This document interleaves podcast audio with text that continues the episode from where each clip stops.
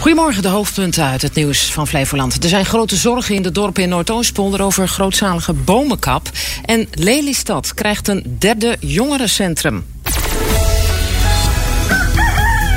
Goedemorgen. Flevoland is wakker. Er worden te veel bomen gekapt rondom de dorpen van Noordoostpolder. Fractievoorzitter Wim van Wegen van D66. Nou, op het oog wordt er inderdaad uh, fanatiek gekapt. Uh, dus dat betekent een behoorlijke kaalslag. En uh, ik heb vooral veel inwoners daarover gehoord. Die zijn toch wel een beetje geschrokken dat het bos zo is uitgedund. En over welke bossen hebben we het dan precies?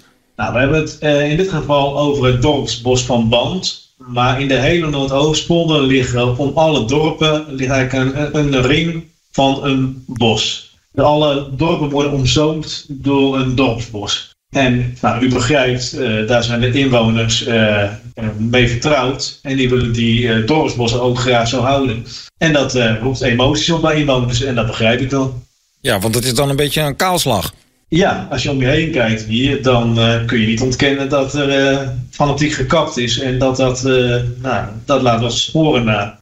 Maar aan de andere kant begrijp ik ook wel waarom uh, deze operatie nodig is. Ja, laat me raden. Essentaksterfte. Essentaksterfte, ja. In één keer goed. Uh, dat is een uh, groot probleem in de bossen van Flevoland. En ook in het Oostpolder. Maar wat maar wilt u van de gemeente?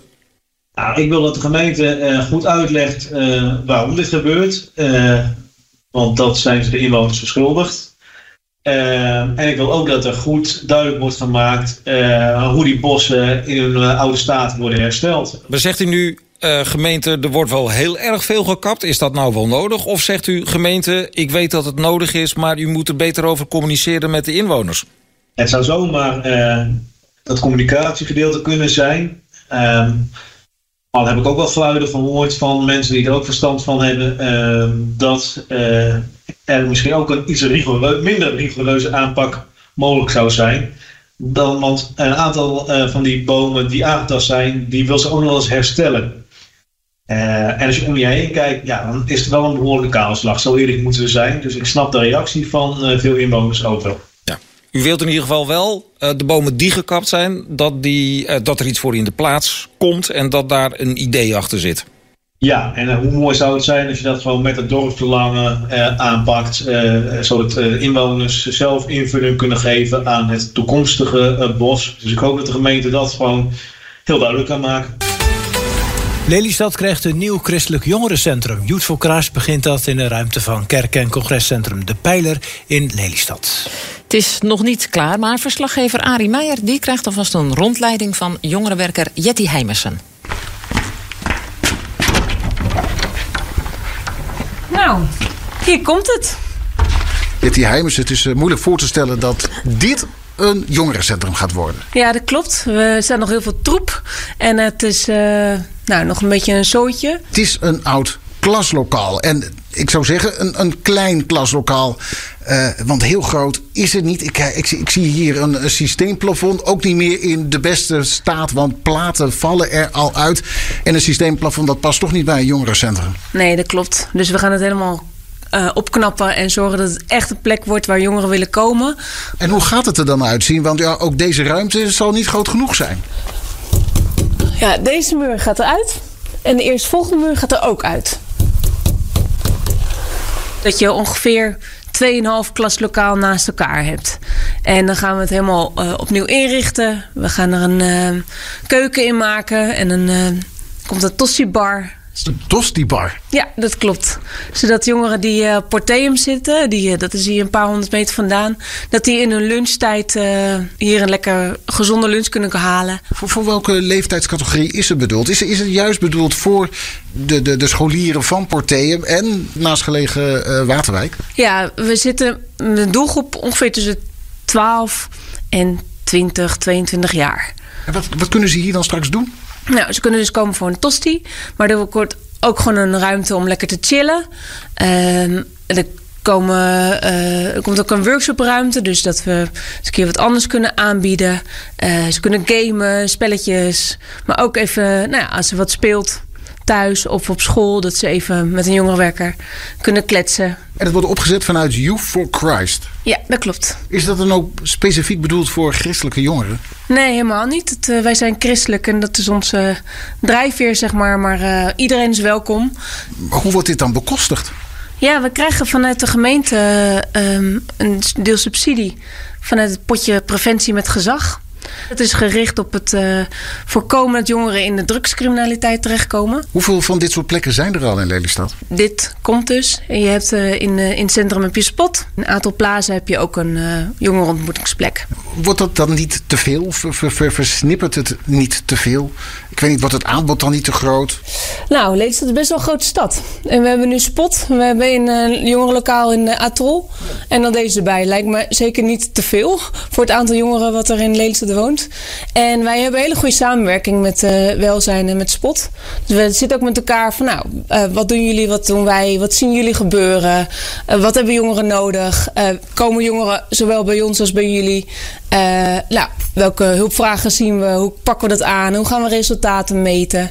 Dus ik denk helemaal niet dat het, dat het te veel is of versnipperd. Ik merk nu die vraag, die, die trekt wel wat bij u. Oh ja? U begint iets harder te praten. Van, ja, hoezo? Nou, ik vind dat, dat Lelystad echt wel goede plekken voor jongeren verdient. Ja, en, en dat is er dus momenteel niet in uw ogen? Nou, ik denk te weinig. Ik denk voor zo'n grote stad als Lelystad, drie jongerencentra, is minimaal. Advocaat Michael Ruperti, die de Almeerse Abed al-Attar bijstaat, die wil desnoods zelf naar de grensovergang tussen Egypte en Gaza reizen om zijn cliënten uit het oorlogsgebied te halen. Vertelde hij gisteravond in het televisieprogramma Renze op RTL 4. Al-Attar zit al sinds 7 oktober vast in Gaza. Sindsdien probeert de Almeerde bijna elke dag om de grens met Egypte over te steken. Maar zijn naam komt om onduidelijke redenen maar niet terecht op een lijst met goedgekeurde namen is onvoorstelbaar, zei advocaat Michael Ruperti gisteravond tegen Renze Klamer. Er zit niks slechts in de, deze meneer. Nee. Uh, dus ja, het enige wat hij hoopt is uh, dat hij zo snel mogelijk die grens over kan. Maar het duurt maar, het duurt maar. Je wil hem opzoeken? En hij, uh, ja, ja. Aan de, aan, want dat kan soms dat je aan de andere kant van de grens wel kunt praten met... Ja, kijk, ik ben natuurlijk advocaat en, en niet alles is met rechtszaken op te lossen. In die zin. En ik, ik, ik, ik behartig zijn belangen. Mhm. En ik zal mijn uiterste best doen. En ik wil ook gewoon weten hoe het met mijn cliënt is. Uh, als het nodig is. Als, kijk, als al die diplomatieke wegen niet... Uh, als het tot niks leidt. Hè, ja. Onze minister van Buitenlandse Zaken is nu ook in Israël. Uh, ik hoop dat ze daar iets kunnen bereiken. Maar ja, dan wordt het een privé-initiatief. En die, die, die, zijn we nu aan het optuigen. Ja, maar dan gaan we ook dus... die kant op. En dan hoop ik hem te zien en te horen te krijgen. Maar ook met de plaatselijke autoriteiten te praten. Dat doe ik dan ook via advocaten bijvoorbeeld in Egypte. Advocaten in Israël. Ja. En dan hoop ik iets te bereiken. Ik voel ook een morele verantwoordelijkheid om iets te doen. Ik kan, ik kan niet iedereen helpen. Maar nee. ik heb met hem gesproken. Hij heeft mijn hulp gevraagd. Ik doe mijn uiterste best.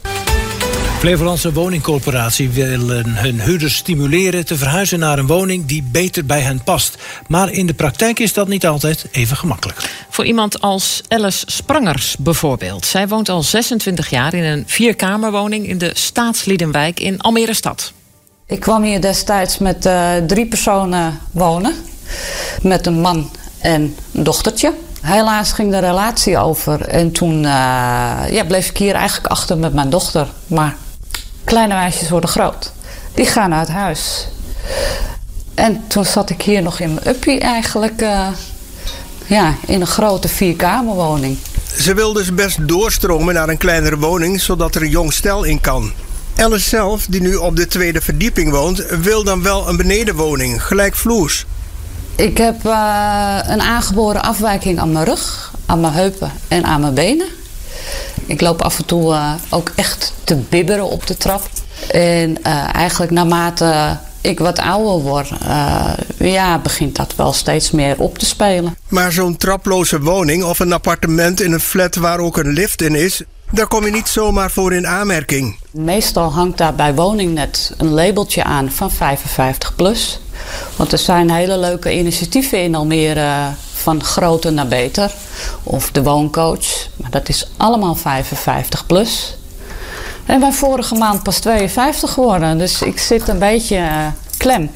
Klem tussen de oudjes en de jonkies. Want vanwege haar lichamelijke beperking heeft Alice wel een WMO-indicatie.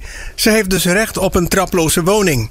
Dus dat zou betekenen samen met bejaarden wonen. Om nou alleen maar omringd te worden door uh, hele oude mensen, daar voel ik me nog iets te jong voor, om het zo maar te zeggen. Want uh, ja, de verpakking ziet er leuk uit, de inhoud laat de wens over, maar in mijn kopje zit het allemaal nog wel goed. Een andere optie zal zijn terug naar een studiootje, de studenten, de jonkies. Maar het gaat hem niet worden, want vanwege haar lichamelijke beperkingen heeft ze nu spullen in huis die ze ook in een nieuw huis hard nodig heeft. Een vaatwasser of een, uh, een droger. Nou, in een studiootje kan je dat vaak niet kwijt. Vaak werk je daar met een kookplaatje wat op het aardig staat. Ja, ik heb een heel fornuis. Waar laat ik die? Dus dat, dat zijn wel dingetjes dat ik denk van ja, ik wil wel kleiner, maar ik wil ook niet in een poppenhuis. De oplossing is natuurlijk bouwen, bouwen, bouwen. De woningcorporatie zegt de regels niet te kunnen aanpassen. Die worden door de gemeente vastgelegd. En die kan de leeftijdsgrens ook weer aanpassen. Maar volgens Alice moet niet alleen op getallen en het geboortejaar gelet worden. Ik heb die indicatie niet voor niks, zeg maar. En dan denk ik van, kijk dan ook meer naar de mens. Wie, uh, ja, wat die mens nodig heeft. Bericht uit binnen- en buitenland. Israël zou Hamas hebben aangeboden om twee maanden lang niet te bombarderen. En ruil daarvoor moet Hamas alle gijzelaars in de Gazastrook vrijlaten. Familieleden van de gijzelaars voeren hier al maanden actie voor, zegt correspondent Sander van Hoorn. De druk is enorm om die gijzelaars vrij te krijgen. Bring them home is uh, de slogan. En uh, die, die mensen die zeggen, ja, het maakt niet uit wat je daarvoor moet doen. Het is je verantwoordelijkheid als land. Gisteren drongen familieleden van gijzelaars het Israëlische parlement binnen. Ze eisten dat de regering en het parlement onmiddellijk iets doen om de gegijzelden vrij te krijgen. Of deze actie een rol heeft gespeeld bij het aanbod van Israël aan Hamas is niet bekend. Het afgelopen jaar is een recordaantal van 265 stamceltransplantaties uitgevoerd, meldt Hart van Nederland. Ook het aantal mensen dat zich aanmelden om donor te worden steeg met bijna 20.000 mensen. De oproep van de inmiddels overleden perschef van PSV, Thijs Slegers, is een van de redenen. Bij stamceldonorbank Machtis zijn ze blij met de vele donoren. Er zijn gelukkig inmiddels al meer dan 400.000 donoren geregistreerd. Dus we kunnen ook steeds meer mensen helpen. Maar dat was ook de wens van Thijs. Uh, hij hoopte toch uh, op die manier een, een positieve wending aan zijn ziekte te kunnen geven. Nu het winterse weer even voorbij is, staan er lange rijen bij de Autowasstraat. Ook in Helmond was het gisteren druk. Het stroozout mag eraf. Nou, zoals de meeste mensen wel weten bevordert uh, het pekel uh, roestvorming. Met name op plekken waar uh, steenslag is of op plekken waar schade is bij een auto. zorgt roest ervoor dat het ontzettend snel aangetast wordt. Hij blinkt weer of niet? Ja, ja, maar dat vind ik niet het belangrijkste. Het ging mij nou onder, onder onderkant. Voor, uh, voor de pekels. Ja, daar poets ik er dan wel liever vanaf. Kun je een beetje zuinig op zijn. Ja, maar ja. dat die blinkt vind ik ook wel weer fijn altijd. Ja, dat is waar. Even zo'n zo, zo laagje eroverheen. Even zuigen nog daarna. Uh, ja, moet je nog even goed uh, de stofzuiger er doorheen doen. Ik ben er nog niet aan toegekomen. Maar, nee, ik ook niet. Nou ja, moet ik maar eens doen. Maar ja, ik, om daar nou voor in de rij te gaan staan, vind ik ook zo wat. Nee, je moet even een paar dagen wachten. Ja, want nu gaat iedereen. Dat waren wat berichten uit binnen- en buitenland.